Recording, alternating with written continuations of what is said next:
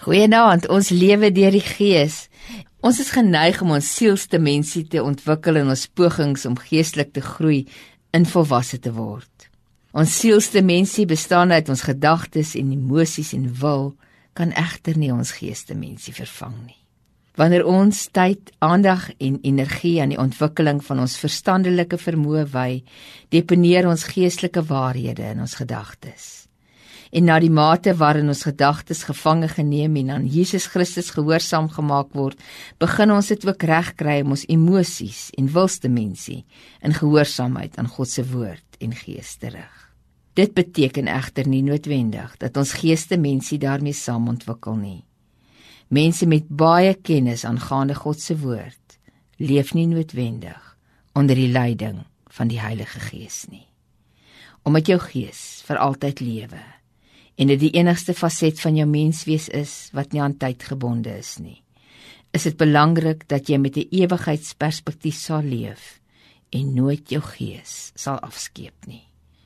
Jou geesdimensie bestaan nie alleen vir ewig nie, maar het ook die kapasiteit om ewige waarhede te ontvang en te ontsluit die gawes van die Gees wat van altyd af in die hemele beskikbaar is, soos Efesiërs 1:3 sê, word in jou gees gedeponeer en stel jou in staat om deur God se krag te leef. Dis opvallend hoe besig ons in God se koninkryk is. Geestelike aktiwiteite kan egter nooit opweeg teen 'n verhouding met die lewende Gees van God nie. Johannes die Doper se woorde dat Jesus gekom het om ons met die krag van die Heilige Gees en met vuur te doop in Lukas 3 vers 16 is belangrik vir die kerk van die 21ste eeu.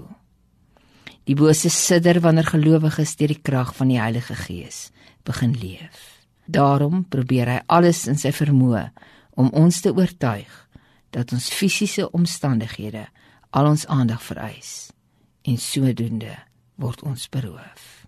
Die krag van die Heilige Gees wat in ons werksaam is, stop vir niks. Inteendeel, Paulus skryf in Romeine 8 vers 11 dat die Gees van God selfs nie deur die dood ingeperk kan word nie. Omdat die Gees van die God wat Jesus uit die dood opgewek het in julle woon, sal hy wat die dooie Jesus opgewek het, ook julle dooie liggame weer lewendig maak deur dieselfde Gees wat in julle woon. Die Heilige Gees sal jou ook deur die dood tot in die ewige lewe begelei.